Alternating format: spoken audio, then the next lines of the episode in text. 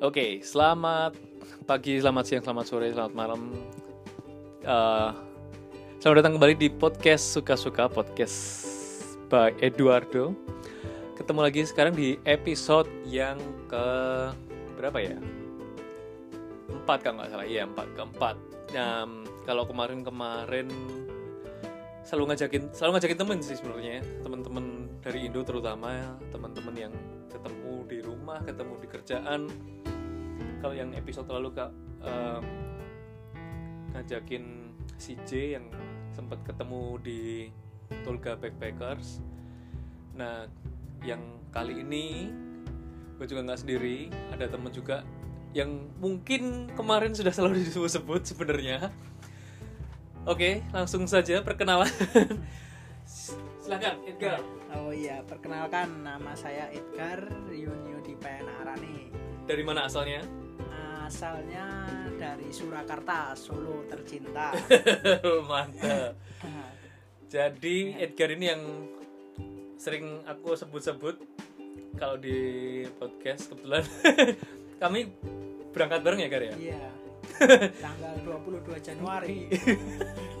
2000 18 ah, 17. 18 18 Oh iya iya. 18 jadi ihwal ketemunya itu sebenarnya waktu itu aku mau berangkat em, terus posting di grup BHV Facebook untuk nanyain ada yang mau berangkat nggak bulan Januari sekitar tang sekitar Awal Januari. Mm, awalnya Iya. awalnya awal Januari gitu terus ada salah satu yang respon Edgar ini Iya. respon terus kemudian kita DM DM-an ini udah janjian sempat ketemu dulu ya sebelum Iya, berangkat ya Ketemuan di Jogja kita dan ternyata kita satu alma mater. satu Cuma beda angkatan. beda angkatan. Edgar angkatan? Eh, masih 2011 aku sab 2010 lah. 2010 kurangi lima tahun. Jadi Edgar masuk saya lulus. Ya, benar sekali itu. Kelamaan sih sebenarnya jadi ketemu terus em, janjian sih sebenarnya. Kita berangkat bareng. Ya. Terus dapat kerjaan bareng yang ya itu tinggal di hostel. Nah pengalaman lucunya lucu sekaligus mengerikan sih sebenarnya. Em, gimana karena ceritanya? Kita kerja bareng sih. Kita Iya. kerja ber- ber- berangkat bareng kerja bareng waktu itu di satu Uh, company ya di daerah Mariba. Mhm, farm gitu awalnya sih agen itu menjanjikan avocado. Avocado.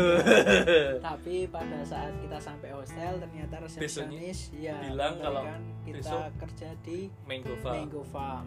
Dan itu ternyata di packing set. Packing set nggak bukan di luar nggak ya. picking. Tapi ya kita juga nggak tahu ya udahlah ini jalanin aja. Nah Edgar ini punya pengalaman yang ngeri sedep sebenarnya.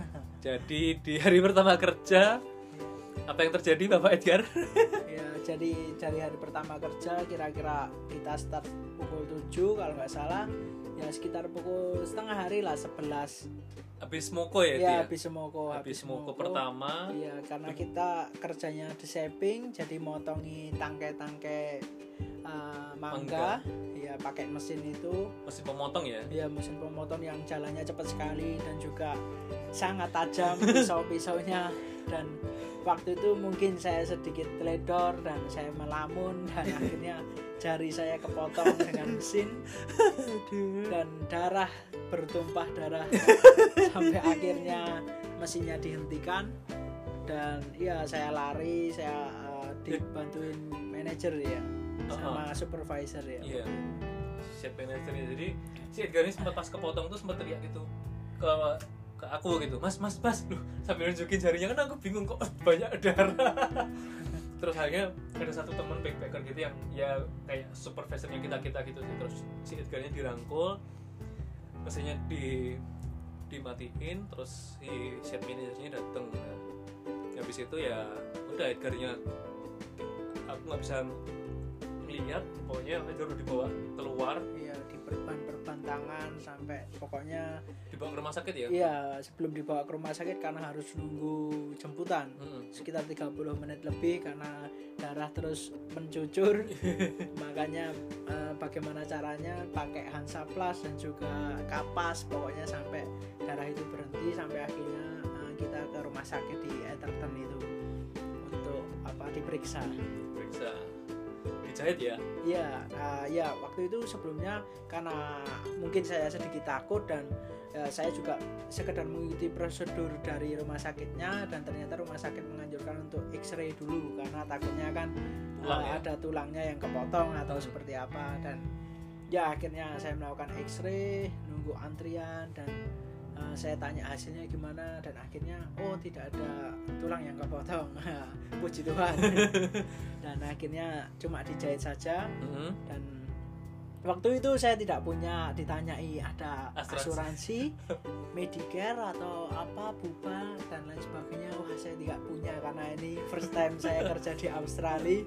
Saya sudah panik uang sudah mepet bahkan saya sudah tidak punya uang lagi karena udah terpotong bond money dan lain sebagainya dan rent dan lain sebagainya. Dan akhirnya eh, ya untungnya untungnya tiba-tiba dari resepsionis itu telepon di farm tempat saya bekerja dan eh, oh ya mungkin bisa dikasih eh, dia punya asuransi lah ditanggung seperti ya. Kalau di Indonesia ya Tanggung BPJS ya di BPJS tenaga kerjaan lah Hmm. ditanggung. Perusahaan. Iya perusahaan. Walaupun ya cukup kaget karena cuma dijahit. Kalau di Indonesia ya mungkin 50.000 ribu atau berapa.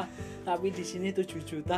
700 dolar ya? Iya 700 dolar. Wah Begitulah, jadi mengerikan. ini yang jadi catatan adalah em, mungkin nanti teman-teman yang mau berangkat ke sini bisa beli asuransi dulu di Indo atau beli asuransi di sini.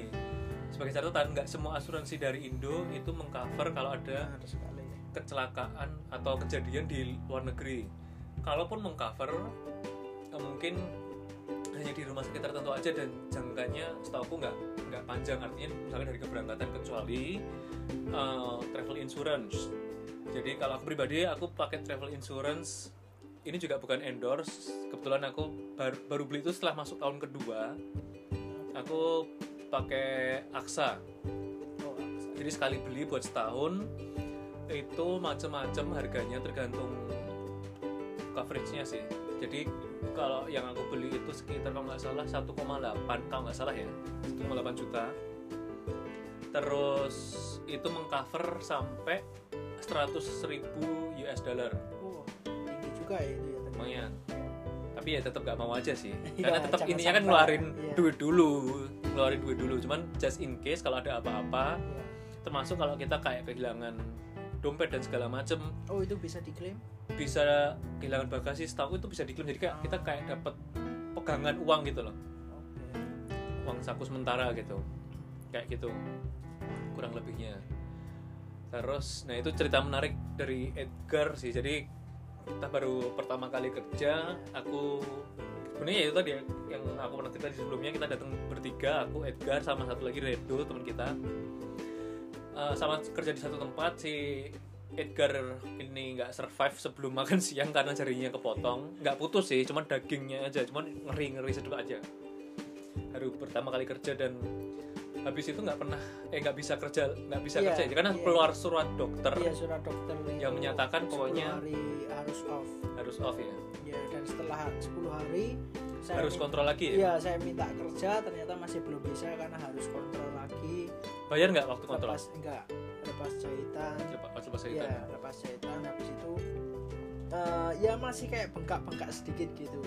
Tapi ya udah boleh kerja iya boleh kerja setelah dua hari itu. Jadi, jadi 12 total hari. dua mingguan lah ya Iya, dua dua mingguan off dan itu ya cukup berat sih karena itu tadi Edgar bilang bahwa kami berdua datang tuh uang sakunya cukup Pas-pasan, mepet ya. cukup mepet karena yang ke- banyak ke, bukan kebuang sih tapi keluar banyak itu ya di satu hari itu jadi kita bayar agen. Kita bayar bond money di hostel bayar Bayar rem rem. minggu pertama dan total sehari itu tuh habis sekitar 600-an belum belanjanya juga. belum belanja karena harus buat makan dan segala macam kan jadi agak costly memang Iya. gitu terus habis itu eh, kam bertahan sampai aku bulan sekitar bulan Mei itu pindah ke Mariba Edgar sampai saya sampai Juni saya stay sebelum itu habis itu pulang ya? Iya habis itu pulang ke Indonesia. Pulang ke Indonesia liburan dulu. Iya ketemu keluarga. Keluarga. Nah habis itu kami masih kontak-kontakan tapi Iya. kepisah karena aku lebih banyak spend waktu di Mariba.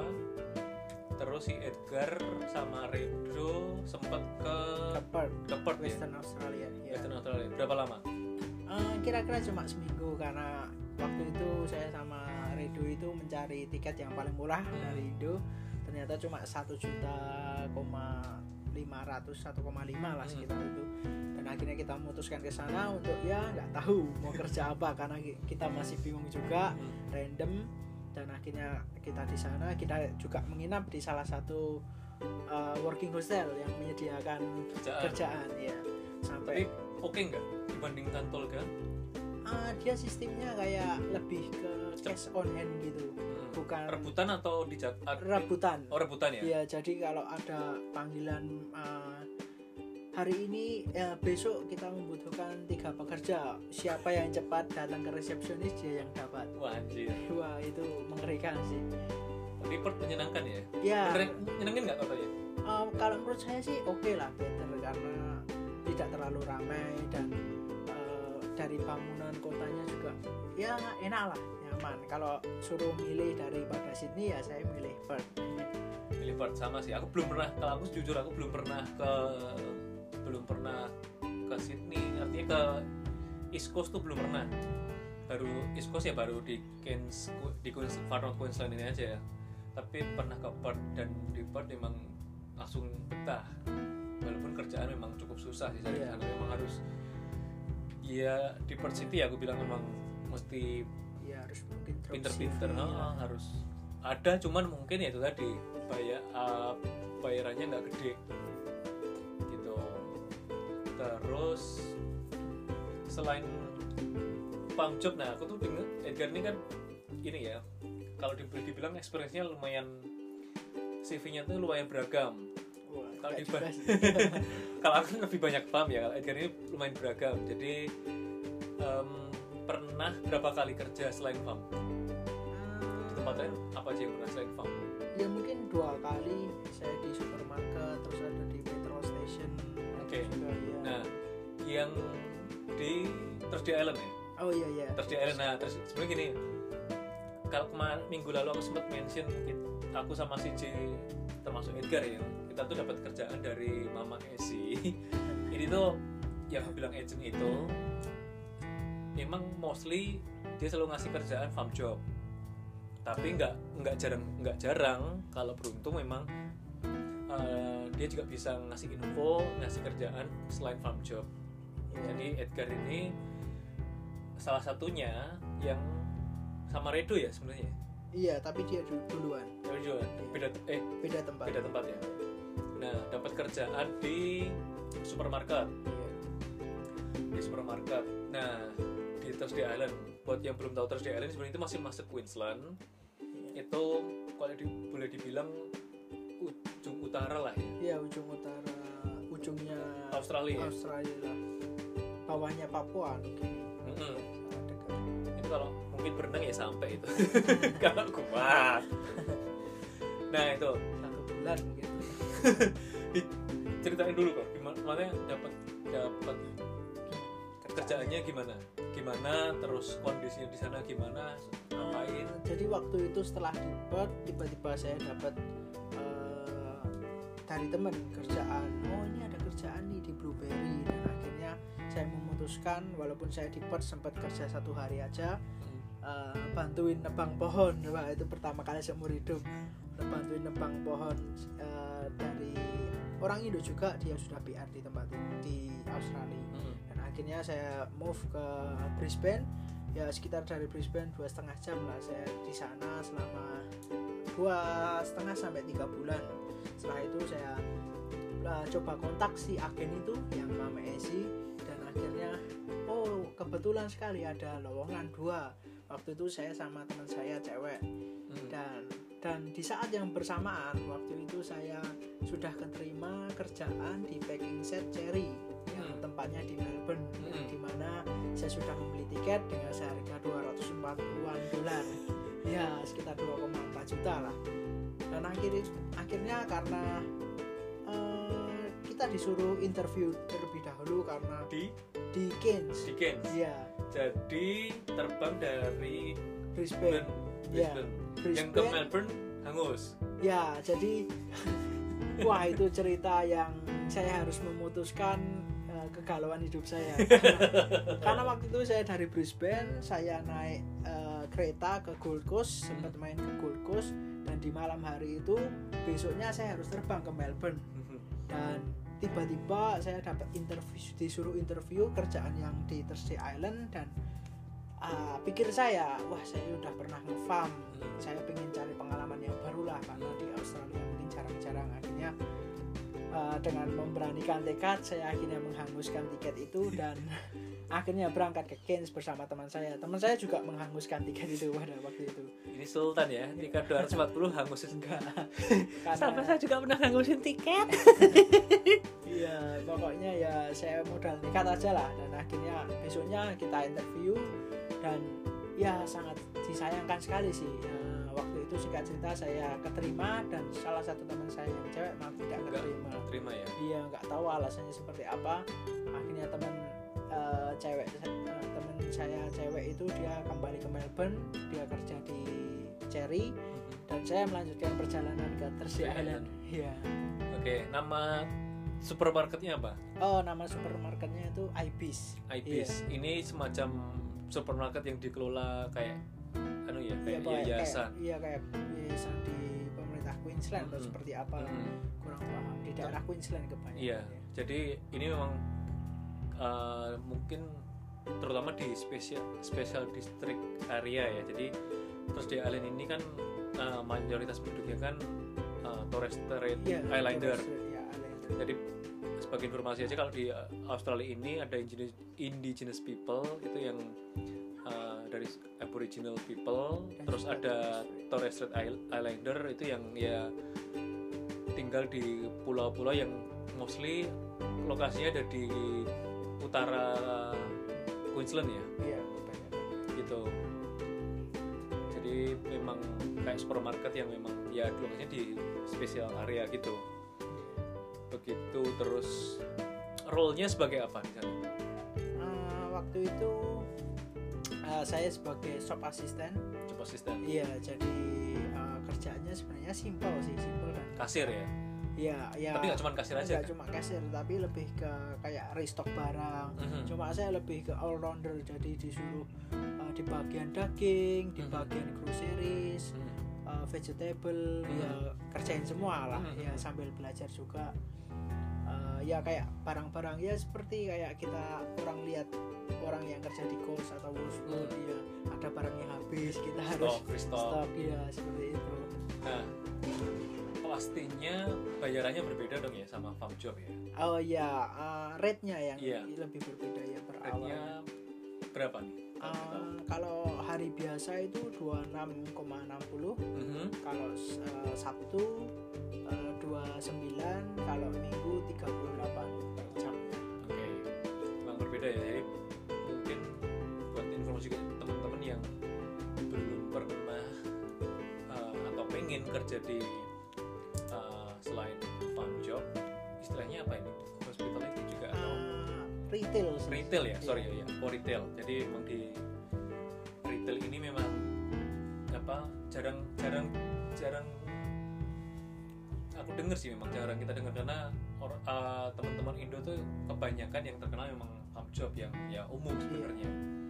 Retail ini ada seperti yang Edgar bilang memang rate-nya sedikit berbeda, apalagi kalau kita tadi tinggal di regional area atau special district area gitu memang ada pengecualian-pengecualian terutama soal rate uh, salary rate-nya terus di tax return itu nanti juga akan muncul kalau kita kerja 180 hari ya Iya iya. itu kita Zone semacam offset. Mm-mm, zone offset itu memang bisa dapat berapa sih kalau spesial area kayak di Island ini bisa dapat Iya 1100 1100-an ya Iya. tax return ya. Iya. Lumayan sih Lumayan. kalau bisa bertahan lama.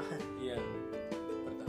Bertahan. Ya, Ya, kebetul- betah-betahan sih ya. Iya, kebetulan saya eh, enam bulan di sana dan Hiburannya apa? sangat disayangkan ya cuma kurang satu minggu ya hiburannya masih oke lah terus di island karena di sana pulau bisa dibilang pulau wisata karena Hmm, banyak banyak turis lah ya. iya banyak turis kadang ada kapal pesiar datang Hmm. oh, banyak orang belanja ya ada restoran dia ada pub ada hotel eh, tempat olahraga juga ada Mancing mancing.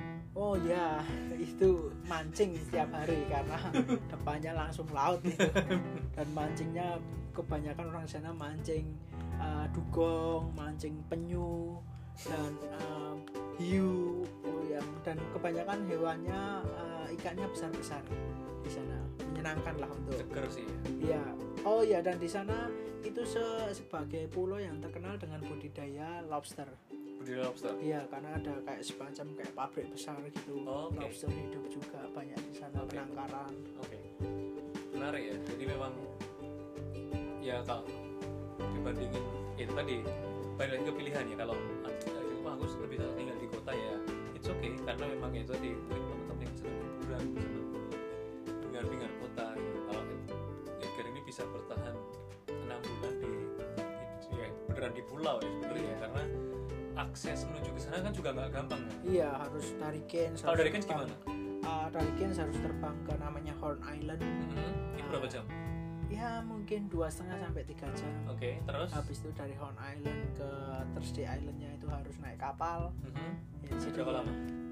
Ya mungkin sekitar 30 menit tidak tidak tapi selama kerja ditanggung kan ya ya? Oh iya dan juga untuk tiketnya pulang pergi untungnya ditanggung. Kalau enggak lumayan Iya. Kosnya terlalu buat- banyak. bisa buat pulang Indo kan. Iya. Jadi itu di pengalaman kerja di retail terus itu yang pertama kali? Iya pertama kali. Dan ya oke nggak? oke sih menurut saya. Karena di sana ya waktu itu saya benar-benar satu-satunya orang Indonesia yang saya tahu. Pulaunya tidak tidak begitu besar cuma hidup dengan uh, penduduk asli di sana sangat menyenangkan lah.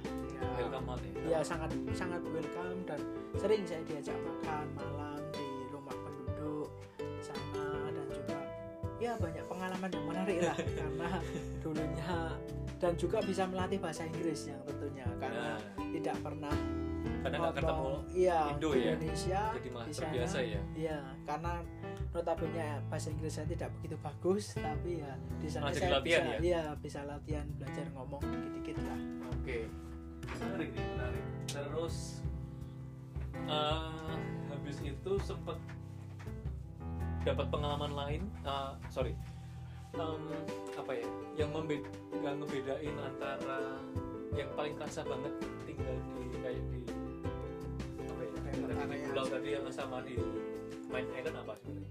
Ah, Belanja, kerasa nggak? Iya iya iya ya ten- tentunya sangat berbeda sekali karena uh, mungkin di orang terkenal di big city itu banyak uh, boros karena banyak entertainment uh, shopping ke mana-mana tapi kalau di waktu saya hidup di tinggal di Thursday Island ya cuma itu satu-satunya supermarket.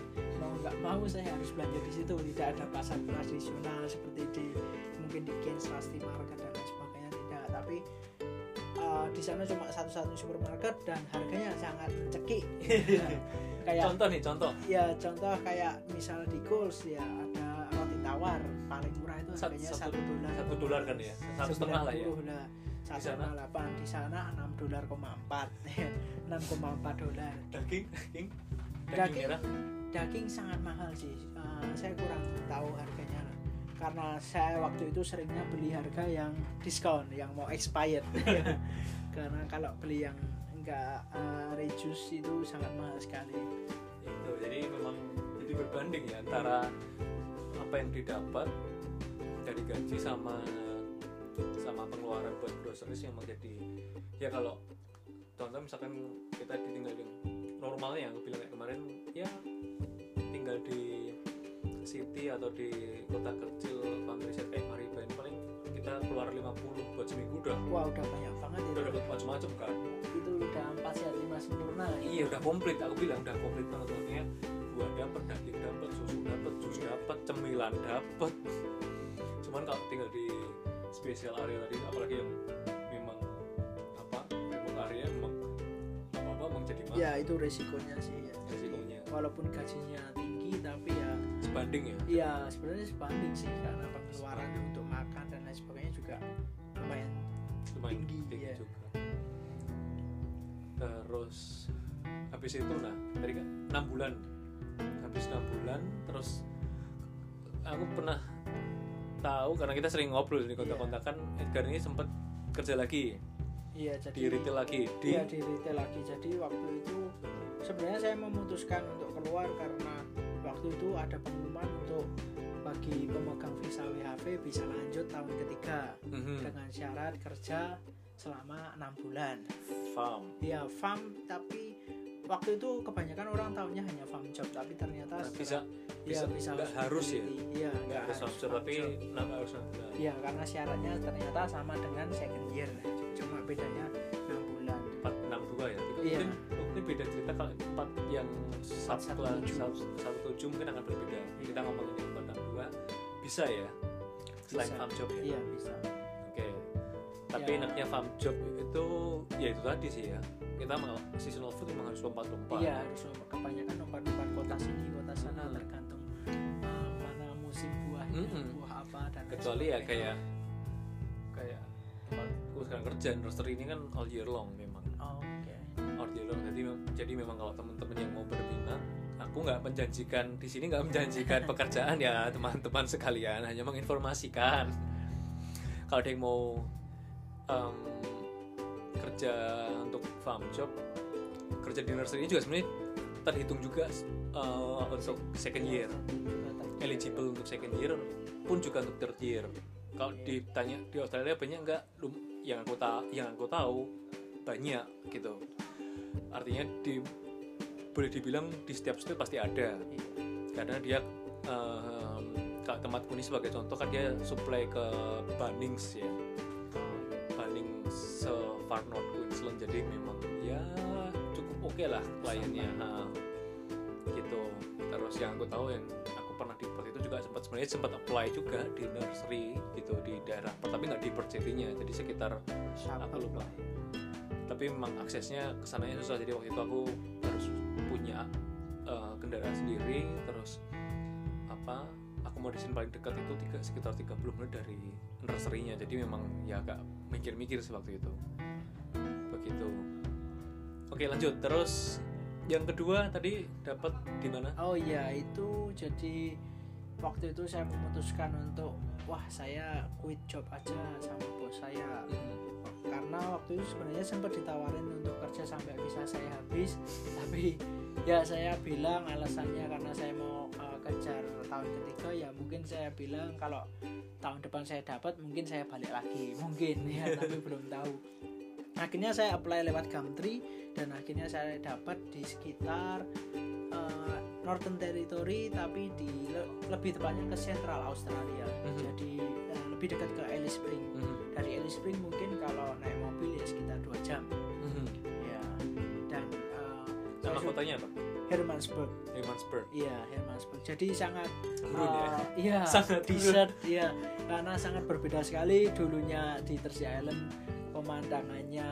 Air. Air di sini. Iya gurun, gurun pasir. tanah merah dan wah ya Ini sangat, sangat- berbeda. sangat Australia sekali ya. Iya. Red Dirt ini kehidupan yang Iya. sangat dan saya Australia iya, sekali.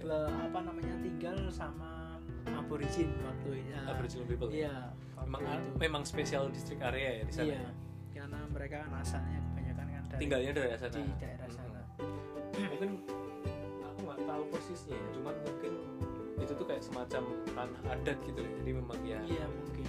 Ya yang boleh bukan boleh meninggal ya. Sebenarnya boleh tinggal siapa aja. Cuman mungkin eh, kayak apa bisnis yang segala macam itu mungkin dikelola oleh kelompok masyarakat atau komunitas masyarakat iya. di situ begitu.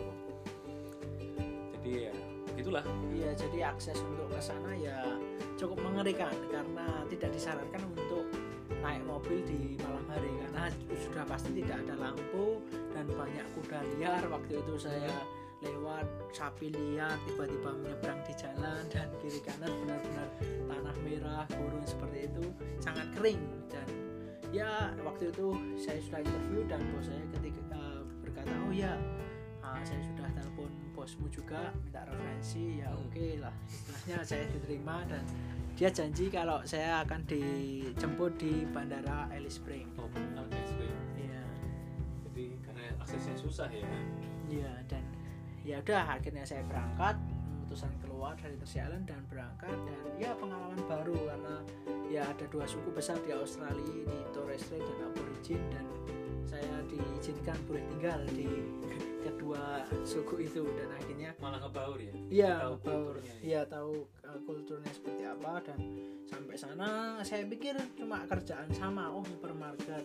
Uh, tapi ternyata di sana kayak seperti community store gitu. Jadi iya, jadi kayak ya tempat aborigin aboriginal people gitu karena yang tinggal populasinya cuma 200 orang sekitar 200 orang di mana nggak ada restoran sama sekali itu apalagi kalau di. Indo mungkin Iya. anu ya kayak satu RW Iya. itu satu kota ini satu lagi itu satu RW Iya, sangat mengerikan dan ya di situ satu-satunya supermarket, satu-satunya pom bensin tradisional, satu-satunya tradisional itu gimana maksudnya tradisional Ah, sangat tradisional karena saya juga bukan anu ya kalau di Australia ini kan ada beberapa pom bensin jadi kayak Shell terus ya apalagi Puma, Puma United United ya, terus Caltex. Caltex sama BP kalau di sana Ah, di sana nggak ada namanya. ada namanya Ya, nama company saya itu Entaria Supermarket. Ya, di depannya juga ada campground. Jadi buat orang-orang yang road trip Road atau trip. apa ya biasa pakai van yang nginap tinggal di situ karena banyak memang tujuan utamanya kebanyakan orang ke Alice Spring ya sama ke Uluru. Uluru Iya, kalau mau ke Uluru eh, lewat si salah satu kota kecil di Hermannsburg tadi. Oke. Dan ya di sana ternyata saya juga bekerja di petrol station ya di pom bensin lah ya bahasa Jawanya. Dan dimulai eh, dari nol ya pasti ya Iya, dimulai dari pasti pas, tapi ternyata tidak pasti pas. Karena uh, kalau di Australia kebanyakan kalau kita mau mengisi bensin pakai mobil pribadi kan kita isi sendiri ya. Setelah isi sendiri tergantung kita mau isi berapa, 20, 40, habis itu kita bayar ke kasir. Hmm. Tapi di sana sangat tradisional. Karena di mana kalau mau ada orang yang mau isi bensin uh, bilang dulu. bilang dulu ke kasir karena saya pegawainya saya bawa kartu supermarket saya harus masukkan ke mesin saya tanya mau beli berapa? Beli 20 dolar oke. Saya pencet 20 dolar dan harus saya yang mengisi. Karena kenapa? Kalau bukan saya yang mengisi nanti dia pencet sampai lebih dari 20 dolar dia lari kan Rugi. rugi Nombok ya? akhirnya ya itulah kerjaan sampingan. Dan ternyata di situ di supermarketnya juga ada eh, kantor pos Australia Post Office. Ya, Outpost. Outpost. dan oh ternyata saya disuruh kerja di situ juga. Saya bingung wah ini kerjaannya ngapain? Nah, akhirnya ternyata Au- Australia Post Outpostnya itu agak unik juga. Karena namanya Outpost itu tempat kirim barang dan terima barang kan? Ya tapi di sana cuma terima barang bisanya jadi uh, si bos saya itu setiap seminggu dua kali dia datang pakai kontainer trailer truk yang besar itu ke. Alice Spring Mhm. untuk belanja nyetok barang-barangnya di supermarket dan Terus? juga ambil paketan itu agak lucu karena saya harus bantu ngangkat-ngangkat kadang paketannya ya nggak masuk akal sangat berat dan ya sama mail-mail juga surat-surat jadi eh, kalau ada orang datang ngecek eh, mau ambil paket ya namanya siapa kita harus eh, minta ID dulu karena kocak ya Iya, kalau nggak ada ID nanti malah bahaya. Dikira punya orang lain kita kan nggak tahu. Iya. Iya. Jadi seperti itu. juga jadi apa ya ya memang ya itu yang bilang ya kalau secara CV memang apa lebih beragam lah? Kalau dibanding orang mana dia kerja di retail pernah dua kali bahkan kerja di juga beberapa kali pindah-pindah tempat. Iya. Terus menarik lah ya pokoknya. Dan sekarang ketemu lagi. Iya. Ketemu lagi di Mariba ini. Dipertemukan sekarang kerja di Gova iya di farm lagi blueberry karena ngejar year ya? iya karena saya butuh payslip untuk untuk apply tahun ketiga third year. Dan juga di weekend Sabtu Minggu ya kadang Jumat Sabtu Minggu kak saya ada kerjaan lain di Kuranda yang di mana saya harus tempuh dengan bus. Ya agak mahal sih. Kerjaan di restoran sih. Ini untuk pertama kali saya juga Oke, pengalaman baru ya sebagai Nah, awalnya sebagai waiters sekarang Uh, Owner. iya, enggak. Sekarang disuruh bantuin kitchen hand. Jadi saya waiter, terus uh, habis itu saya lunch sekitar pukul setengah dua satu tiga puluh, setengah dua habis itu saya suruh bantuin ke dapur. oke jadi mau beragam ya jadi sebagai informasi aja Kuranda ini juga tempat tujuan wisata sih Iya. lokasinya itu kan kalau dari Kens menuju Mariba ini kayak di tengah-tengahnya gitu. Iya. jadi memang terkenal sebagai daerah rainforest lumayan sering hujan di sana tempatnya asik banget.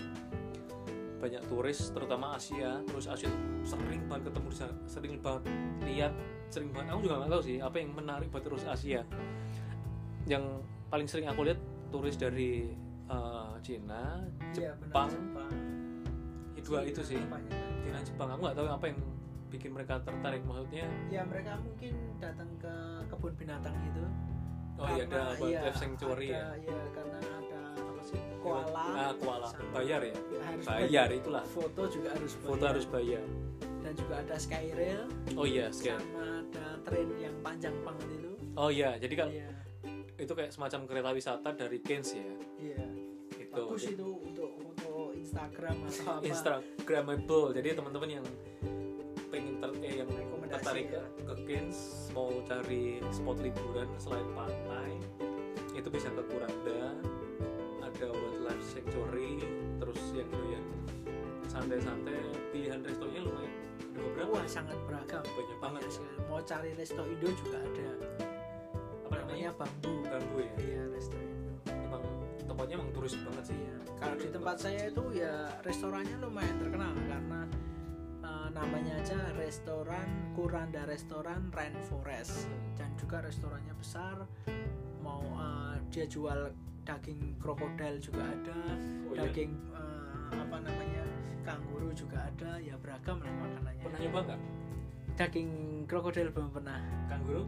Kanguru sudah pernah. Enak? Enak sih kayak, kayak eh, seratnya kayak sapi gitu. Ya kayak sapi ya? Iya.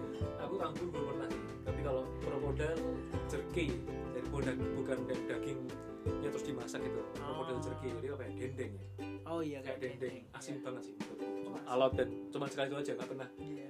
nggak pernah nyobain lagi habis itu waktu di Thursday Island malah saya pernah nyobain penyu sama dugong ya karena eh, di sana tiap malam mungkin mata pencaharian mereka dan juga daripada mereka beli banyak Makan sekali. malam sih ya? iya karena dia tiap malam dia Mancing. nangkap iya nangkap eh, pakai jaring itu pakai penyu sama dugong. Dan saya selalu lihat uh besar sekali dugongnya.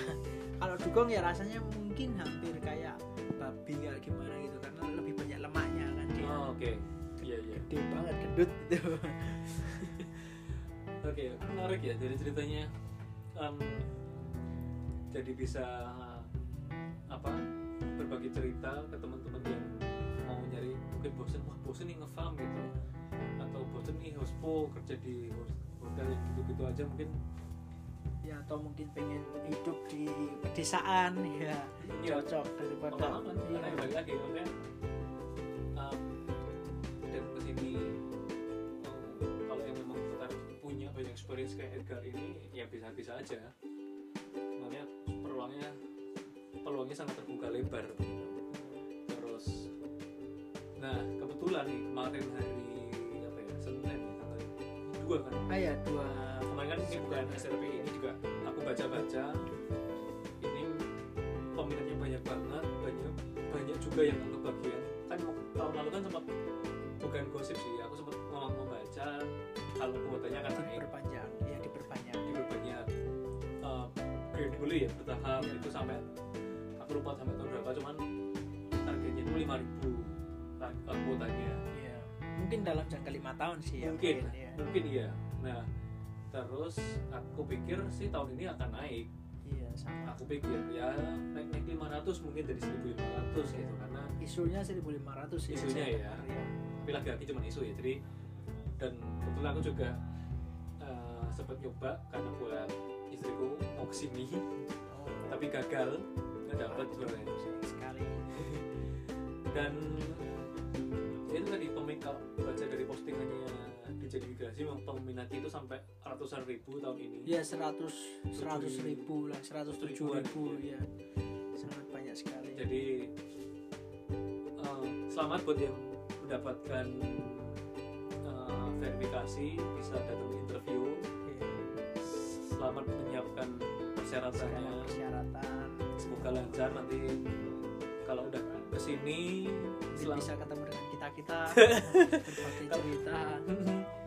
jadi um, um, apa ya prosesnya masih panjang sebenarnya Iya. prosesnya masih panjang tapi Ini langkah awal lah. ya. tahap awal jadi sebelum nanti berangkat mungkin apa yang kami share di episode kali ini semoga bisa jadi referensi juga Karena itu memang kalau saya baca ya satu persen dari karena iya ya seratus ribu oh iya satu persen ya? Iya karena banyak banget yang waktu itu pembukaan pukul 9 9 901 902 semua orang ya barengan jadi wajar sih maksudnya iya apa eh, BHV buat Indonesia ke Australia ini memang jadi tempting banget sih somehow. Karena eh, setelah bertahun-tahun banyak yang cerita terutama cerita-cerita yang manis ya. Iya mungkin Dapat- jarang cerita jeleknya oh, yang disimpan sendiri Iya. tempatnya gitu.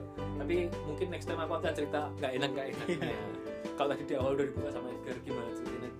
Dia jarinya kepotong mungkin next time aku akan cerita hal-hal yang mungkin gitu karena ya kita eh, bisa aja ngadepin hal-hal yang mungkin kurang menyenangkan. Iya. sebenarnya banyak sih cerita kayak kalau- kalau eh, ada temen yang sakit waktu itu sempat masuk rumah sakit sempat koma. Iya, nggak punya insurance. Eh, nggak punya insurance terus ada yang kecelakaan. Waktu itu sempat di share di grup Facebook ya. Iya. Uh, kita kurang tahu persis kabarnya. Sekarang aku juga lupa siapa namanya tapi ada satu cewek teman dari Indo juga. Uh, dia kecelakaan waktu road trip. Itu juga kasihan sebenarnya karena memang itu dia ada hal-hal yang kita nggak pernah menyangka gitu. Makanya hadapin di sini. Gitu. cuman yang membuat tempting adalah ketika teman-teman baca atau mendengar atau melihat cerita-cerita yang menyenangkan wah cari duit di sini gampang iya karena gajinya ceritanya gede taunya kenapa WHV jadi booming? Karena duitnya taunya gede. duitnya gede gajinya gede. Gajinya gede. Tapi ya itu tadi ya maksudnya balik lagi masalah keberuntungan. Iya kita juga maksudnya kita seberapa rajin sih gitu iya seberapa rajin kita kalau kita malas-malasan ya Sama aja. bisa ya Iya. kerjaan gitu terus masalah di mana di mana kita dapat tempat juga karena Iya. uh, karena kebanyakan kalau kayak di kota besar ya ya mungkin kerjanya ya saingannya mungkin dengan student student orang-orang pelajar dan iya notabene rate-nya otomatis rendah kecil iya karena itu tadi kalau student kan satu yang jelas mereka nggak boleh kerja dari lebih dari 20 jam 20 jam. ya. mereka cuma kasarannya kasarannya itu kayak nyari tambah uang saku. Nah sedangkan yang WHV ini kan beneran ya mungkin mostly dari kita beneran cari duit buat iya. ngumpulin duit sebanyak banyaknya iya jadi dan ya itu kalau di kota yang mungkin aku pernah share adalah cukup nih gitu satu kerjaan.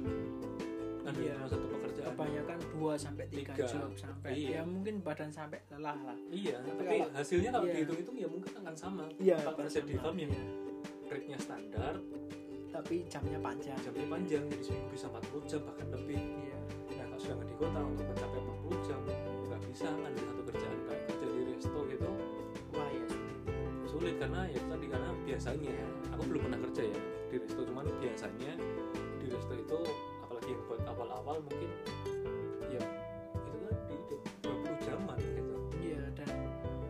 rate-nya pasti ya kebanyakan di bawah 20 lah. Mm-mm. karena gas-gas itu. Cash mostly. Ya kalau aku ya lebih prefer kerja di outback sih. Cuma ya harus terima resikonya. Mungkin nggak hiburan. bisa ketemu teman terus eh, hiburannya minim. hiburannya minim. Cuma secara rate juga oke. Apalagi yang kerjaannya supermarket saya terakhir itu Hmm. rate-nya lebih gede lagi. gede daripada yang di Berapa? Island Eh, da- kalau dari weekdays-nya itu sama sekitar 26,60 karena dia retail hour 2 Hmm. tapi di Saturday-nya saya nggak tahu kenapa bisa beda karena Sa- Sabtunya itu 38 dan Minggunya 48 Anjir. jadi sangat mengerikan itu.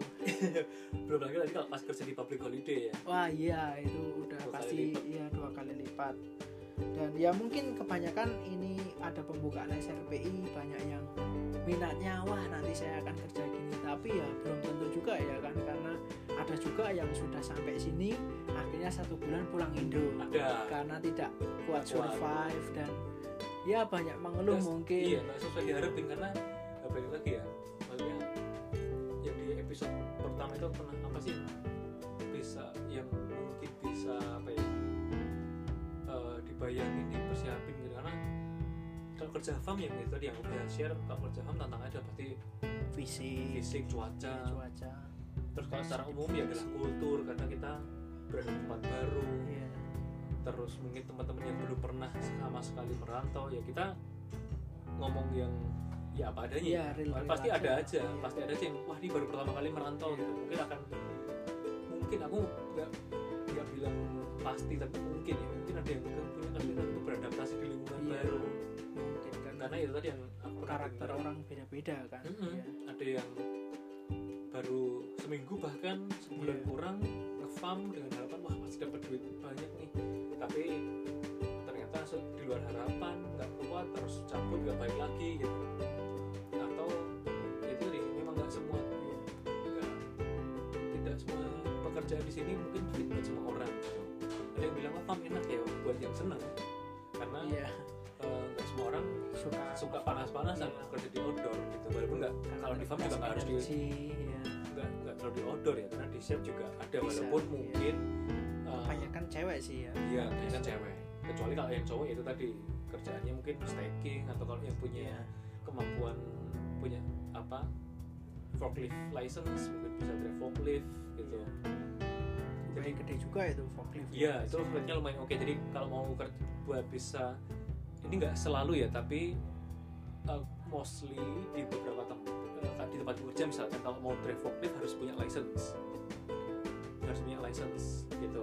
Walaupun kalau di farm bisa nggak bisa gitu punya ada yang juga nanyain license tapi boleh gitu. Iya.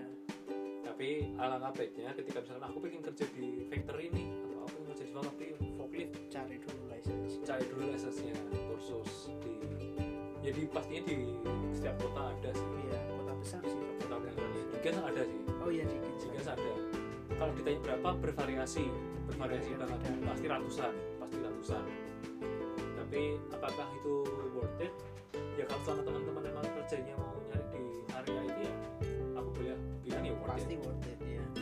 Balik lah itu. Iya nggak akan nyesel lah karena kita punya license juga. Iya, karena dia dianggapnya udah skill Iya. kan. Terus housepo apa housekeeping memang menjanji. Ya itu tadi wah aku pengen di housekeeping karena Iya. nggak panas-panasan tapi Iya, ya mungkin jamnya terbatas kalau housekeeping ya. Mungkin next time ya aku akan ngajakin ngobrol yang pernah kerja di situ yang bis- bisa cerita lebih detail gitu karena karena kebanyakan dari jam 8 sampai jam 2 lah kebanyakan. Iya ya shift shift- shifting Iya, shift gitu gitu dan memang eh, memang nggak panas-panasan. Karena ya kerjanya di dalam hotel bersih-bersih kamar memang punya punya tantangan tersendiri lah. Punya tantangan tersendiri. Di retail pun juga tantangan Iya. tersendiri karena ya akan ketemu orang iya terus nanganin customer iya kalau- tantangannya apa ya? Paling Iya. gede kalau kerja di retail? Ya pastinya kita harus tahu bahasa Inggrisnya semua barang. Oke. Iya, karena tiba-tiba kita di supermarket mau cari pasta gigi, itu di mana letaknya dan kita harus tahu tempatnya di mana. Ya itu dan sama skill customer service Pak. iya sama cara kita berbicara Mhm. ya harus ramah kalau Mhm. pagi nyapa good morning, how are you dan lain sebagainya seperti itu sih. Jadi ya ya lebih tahu barangnya apa bahasa kadang mungkin kita uh, bahasa Inggrisnya nggak banyak yang paham. Oh ini saus ini tipe ini bahasa Inggrisnya apa? Mungkin agak terasi ya. Mungkin agak bingung tapi ya di sana kita bisa belajar banyak lah sama tahu tempat-tempatnya gitu. Oke. Jadi ya yang mau baru mau datang semangat lah. Iya. Jadi ini bisa jadi, jadi ya lagi-lagi ya jadi catatan buat teman-teman. Kalau misalkan nanti mau nanya-nanya atau mungkin ada pembukaan lagi kan ya SMP. harap iya gosip-gosipnya gosip-gosipnya akhir tahun kita juga nggak tahu kapan hanya Iya, kan? Tuhan dan Ditjen Imigrasi yang Yang tahu. tahu. Jadi kalau mungkin dari bapak-bapak atau ibu-ibu dari Ditjen Imigrasi yang mendengarkan, tolonglah ini adik-adik atau teman-teman kita yang belum beruntung ini mungkin nego-negonya ke pemerintah Australia harus di harus lebih lihai lagi. Jadi mungkin tahun depan pembukanya langsung 2.500 mungkin. Nah, berharapnya. Atau sistemnya ya karena ini ini ya ada isu juga karena isunya saya dengar oh pukul 9 padahal waktu Indonesia Barat dengan Indonesia Tengah ya dengan Indonesia Timur kan berbeda ya ya itu yang isunya cuma saya nggak tahu seperti apa uh, jalannya karena yang timur pasti duluan Takutnya. Nah, itu atau jadi gini. terlambat ya Enggak, karena Iya. mungkin gini kalau uh, misalkan oh, jam 9 waktu Indonesia Barat berarti ya serentak cuman berarti kalau yang di Indonesia Timur berarti jam 11 iya gitu. Jadi mereka nggak dapat enggak punya dapat sih, cuman kan mereka jadi aksesnya di, jadi jam 11 itu aja. Itu oh iya itu sama ya sama. Cuman yang gini sih yang dari kacamataku yang uh, yang jelas sistemnya berbeda dari tahun-tahun sebelumnya. Setidaknya dari dua tahun zamanku ya, zaman kita sama Edgar ini. Kalau dulu cuman ngisi aja, ngisi. Ya sekarang lebih ketat ya. Lebih ketat. Kita bahkan ya masuk suruh masuk nggak perlu upload apa pun. Cuman ditanyain nilai IELTS-nya berapa? Waktu itu aku jawab ya ngisi aja ngasal gitu. Yang penting iya benar sekali. Nggak perlu tes IELTS dulu nggak masalah. Nggak masalah. Nah ini yang mungkin jadi kendala yang bagiku uh, pribadi ya ini pendapat pribadi bahwa somehow memudahkan. Memudahkan dalam artian memang artinya mengakomodir mereka-mereka yang sudah memang berniat dan cukup siap. Ber- berniat dan cukup siap artinya dokumen siap segala macamnya siap Iya. tapi jadi kurang fair kalau melihat misalkan wah soal SKCK nah SKCK ini menurutku nggak terintegrate sama sistem di Koperasi Indonesia artinya kalau dari Dijen mengi- mengisyarat mengisyaratkan harus minimal selevel setingkat Polda atau Pol Iya. Kepolisian daerah ini agak menyusahkan buat teman-teman satu Lokasinya Yang- jauh ya. jauh dari Polda Iya. artinya misalkan dia ada di kabupaten dan akses menuju ke Polda cukup susah Iya.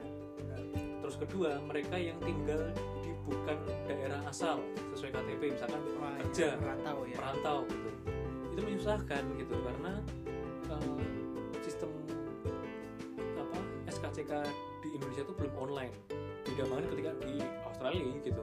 Kita online bayar be- beres gitu. Ini yang menurutku jadi agak aneh sih. Akan lebih baik nggak masalah disyaratkan misal kalau misal ya misal eh, diminta waktu pas interview. Itu akan menurutku akan lebih lebih memudahkan. Jadi Iya. yang lolos ke tahap interview baru harus menyertakan SKCK Iya. gitu. Jadi kasihan yang udah nggak dapat slot tapi udah dibela-belain dapat apa SK nyari SKCK tapi nggak dapat slot Iya. bilang oh ini untung-untungan ya bener semuanya untung-untungan Iya. tapi jadi nggak fair aja kesannya gitu. Ya sama ya mungkin itu juga ada tekniknya atau seperti apa ya. Ya sebenarnya hampir 80% untung-untungan ya. untung-untungan Karena kebetulan pacar saya itu berhasil. berhasil Iya. karena bilang wah harus koneksi harus Iya. cepet itu pun juga nggak menjamin Iya, itu tidak menjamin karena kadang ada dua laptop koneksinya bareng. Mm-mm. Jadi waktu itu pacar saya pukul 9.01 itu udah ngabarin saya nggak dapat kuota. Mm-mm. Jadi terus tiba-tiba cer- ceritanya sedikit hopeless, Mm-mm. dia refresh refresh terus, dia nggak pikir tanggal berapa wawancara, tiba-tiba ada yang warna hijau. Mm-mm. Eh, belum penuh kan berarti warna hijau Bisa. dia klik. Bisa dia cerita, iya tangannya sampai gemeteran karena 15 menit saja kan dan takut salah dan lain sebagainya. Akhirnya Nah, ini juga sebenarnya aku ke- alamin kemarin sih karena aku ngebantuin istriku dengan ngisi. Aku sempet milih gitu dapat beberapa kali. Oh sempat ya? Sempet tapi nggak bisa masuk. Itu lucunya. Aku nyoba dari dua device laptop sama handphone. Iya. Begitu diklik tanggal nih begitu diklik tanggal itu muncul oh tidak bisa merubah atau merevisi tanggal. Kan aneh bahkan Iya. belum masuk ke form ngisi. Iya padahal kan sudah tertera kan tanggalnya. Heeh. Kenapa nggak bisa milih kita. Memang ini aneh sih aku coba lagi ngisi milih tanggal yang sama nggak bisa lagi loading terus kayak gitu ini jadi mental. Nah itu dari sistem sistem di webnya yang um, mungkin per- jadi catatan buat dijen imigrasi untuk memperbaiki ya. Entah bandwidthnya entah sistem webnya atau gimana kurang tahu persis mungkin teman-teman yang belajar uh, IT mungkin lebih paham. Kalau dia bilang soal SKCK ini somehow kurang fair buat yang itu tadi yang tinggal nggak berdekatan dengan atau lagi merantau. Lagi merantau gitu. Terus kalau IELTS dan segala macam aku nggak mempertahankan. Cuman itu tadi akan lebih baik kalau misalkan sistem ini somehow memang baik ketika uh, mengakomodir teman-teman yang beneran siap. Iya.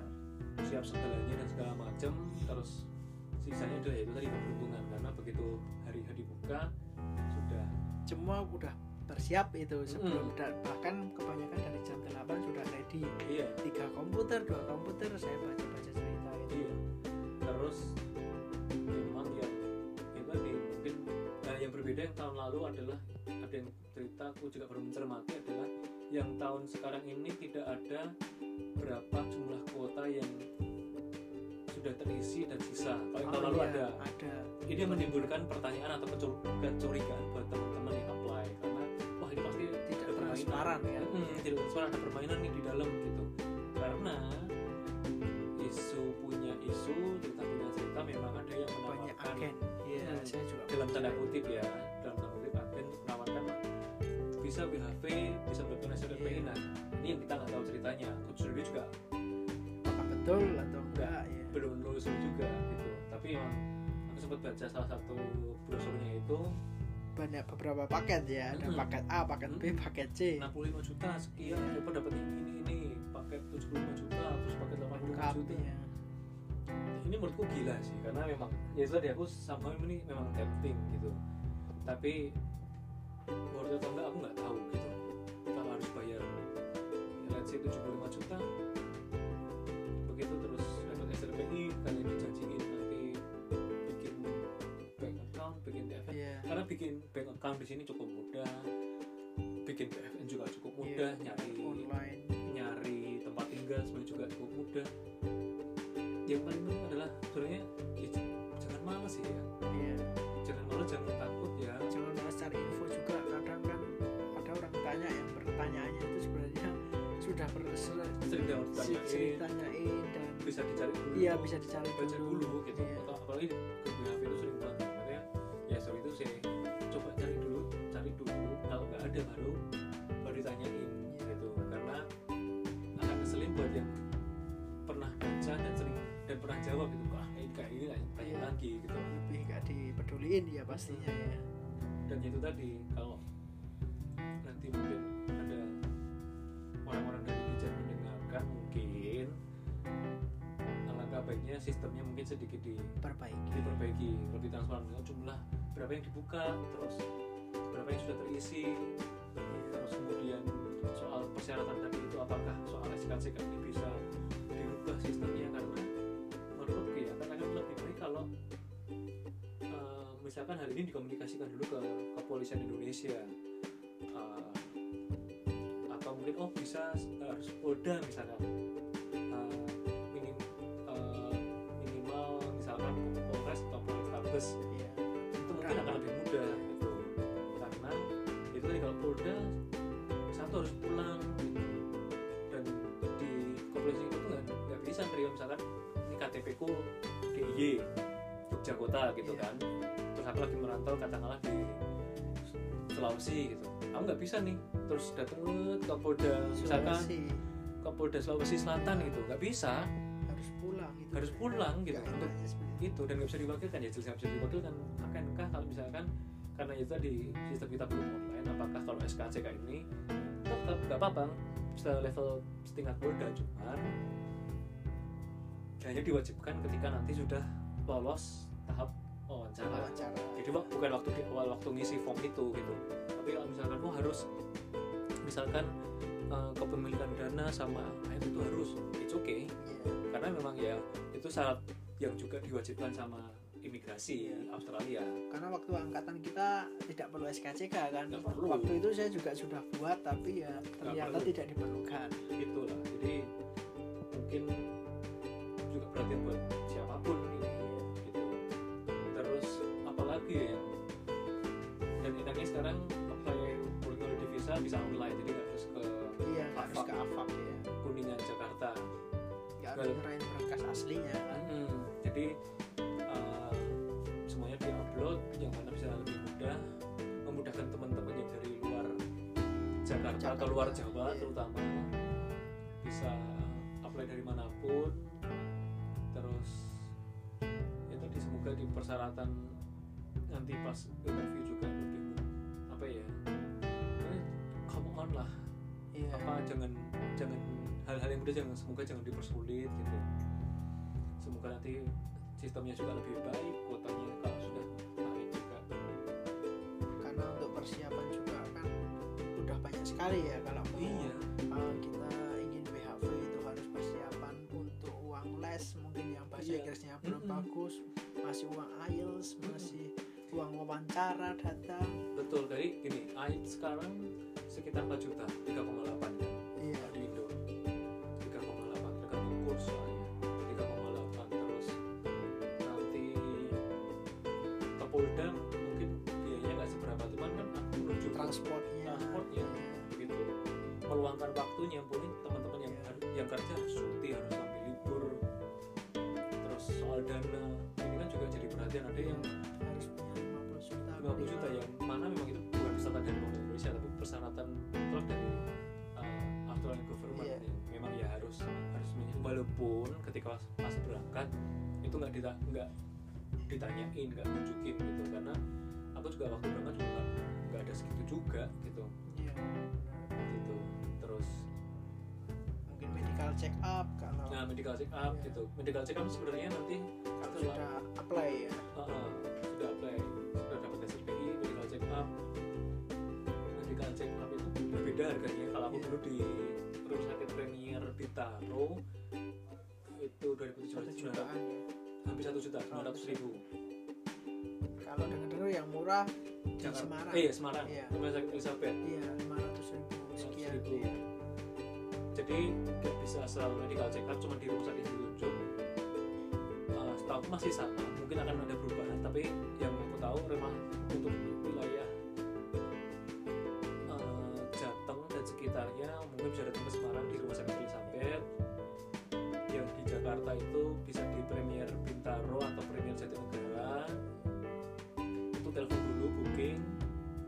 Terus untuk yang Bali di rumah sakit BIMC kalau nggak salah. Itu sekitar satu juta dua ratus. Gitu yang dicek adalah cek ronsen untuk cek flek TB kalau ada terus cek fisik cek fisik itu kalau misalkan pernah ada patah tulang. Iya. sebenarnya nggak nggak mempengaruhi banyak cuman cuma ditanyain aja. Dicek eh, pernah ada patah tulang atau enggak fracture terus pasang pen atau enggak bekas operasi. TBC TBC yang ronsen terus cek mata cek urin. Urin. Cek urin. Sama ada beberapa yang sampai cek darah yang sampai harganya jadi membengkak itu. Iya tapi aku enggak sih. Itu aku mikir ya, waktu itu mikirnya bakal cek darah ternyata enggak jadi cuma pertama datang langsung uh, cek urin dulu cek fisik cek mata terus terakhir ronsen. Jadi kita nggak perlu nunggu hasilnya karena hasilnya akan langsung disubmit ke kedutaan ya. Kejutaan ya kedutaan. Jadi kita nggak nggak bisa. Tapi nanya bisa gimana gitu. Nanya misalkan nanya hasilnya bagus gitu. Iya. Tapi hasilnya nggak diberikan kok. Apa? Saya diberi print-printan itu. Kopinya berarti? Iya ya? kopinya. Kopinya Kalau di Premiere mungkin karena aku juga nggak minta ya. Oh itu nggak dikasih. iya. saya dikasih rekamannya asli dikasih. Oh gitu? Iya. Berarti dapat kopinya berarti? Iya. Karena mungkin nggak semuanya dikasih. Terus itu aja sih mungkin em, persiapannya nanti kalau mau datang ke sini setelah nanti interview uh, akan medical check up. Medical check up beres plotnya beres visanya granted oh iya setelah visa granted teman-teman punya waktu satu tahun sejak tanggal visa dikeluarkan untuk berangkat. Jadi masih ada waktu. Jadi misalnya nggak harus buru- harus buru-buru berangkat karena uh, vis- masa berlaku visanya ketika berjalan ya iya waktu Itu kita di- sampai. dihitung waktu kita sampai. Tapi kak saya dengar ada isu sekarang mulai dipersempit. Jadi gitu? Iya saya dengar dengar cuma belum tahu pastinya belum apa. belum tahu pasti ya tapi kurang lebih seperti itu. Iya. jadi nggak harus langsung berangkat dipikir begitu nggak usah keburu-buru Iya. dan siapin uang sangu uang saku terus tentuin ke mana lokasinya. Akan lebih baik kalau misalkan bisa langsung kerja. Iya benar toh kalaupun mau jalan-jalan dulu ya balik lagi pilihan sih. Iya, kalau duitnya banyak nggak iya masalah. kan working holiday visa Iya. bukan work hard visa. Iya. Begitulah. Em, apa lagi kan kira-kira yang mau dibagi? Apa ya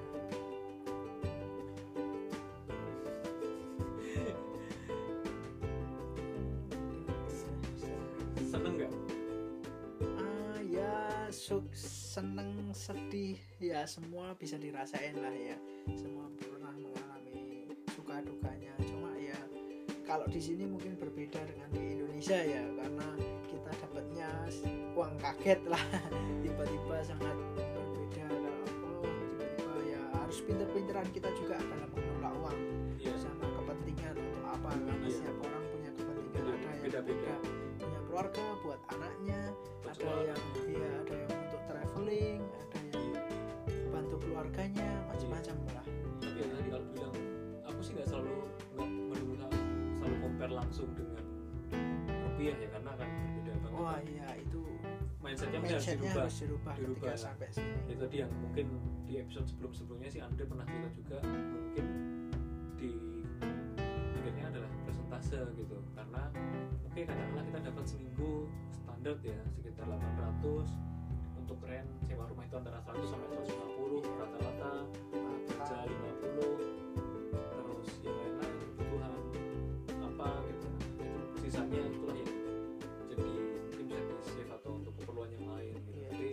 kebutuhan apalah.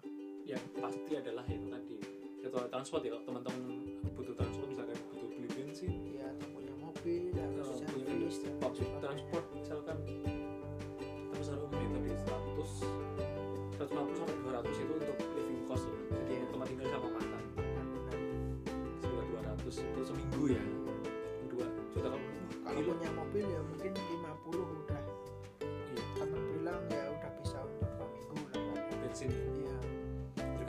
sama jarak Tergantung lokasi sama kerja. jarak lokasi ya.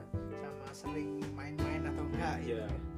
tapi itu tadi kalau dibilang oh 200 seminggu mahal banget ya? Kalau di compare sama dia ya jadi Jauh, mahal. apaan gitu kerja? 2 juta. 2 juta buat seminggu. Di Jogja Solo 2 juta. Itu lebih dari UMR bisa buka usaha angkringan itu mungkin begitu. Jadi memang nggak semua semuanya langsung jadi compare jadi mungkin kurang lebih kayak gitu. Teman nggak kerasa udah sejam ya kita ngobrol. Cepet banget ya. Mm-mm.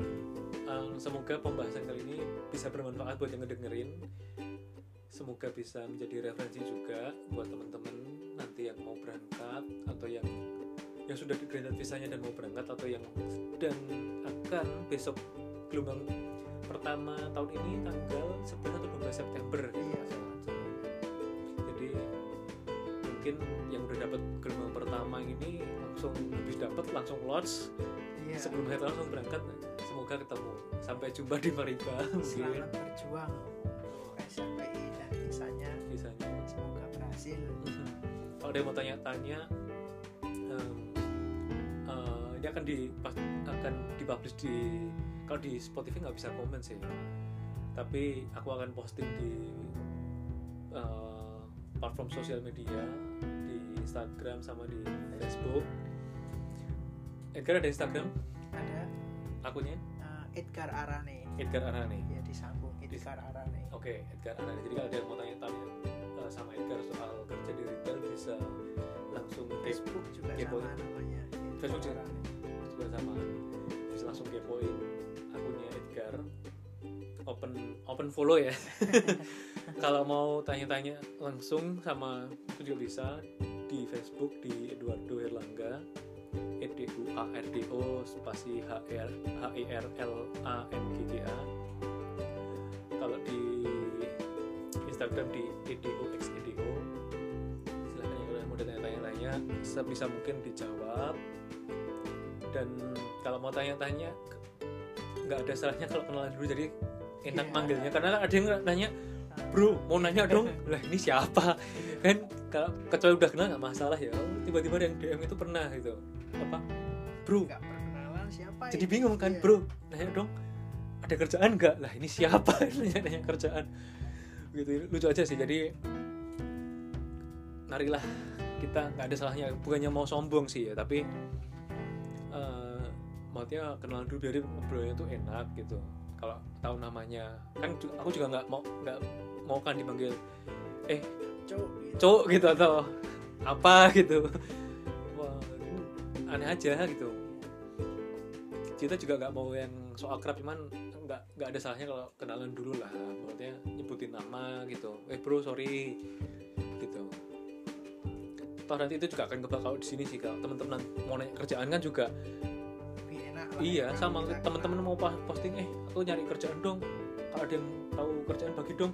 Lah lau siapa gitu maunya kenal Dan, ya entah dalam bahasa Indonesia atau bahasa Inggris cuman sebutin dulu namanya posisinya di mana dan kerjaan kerjaan yang seperti apa. Atau enggak, jangan tiba-tiba nanya weh bro ada kerjaan nggak? Lah emang lu mau kerjaan apa? agen, iya. kita bukan agen cuy gitu. Kalau agen pun gua juga pasti akan lebih akan selektif juga. Mm-mm gitu. Jadi mungkin cukup buat episode kali ini. Ya. terima kasih Edgar udah ya, berbagi cerita. Mungkin next time kita akan ngobrolin topik yang lebih seru lagi. Iya, Oke sekian dulu episode kali ini. Sampai jumpa di episode berikutnya. Dadah, dadah.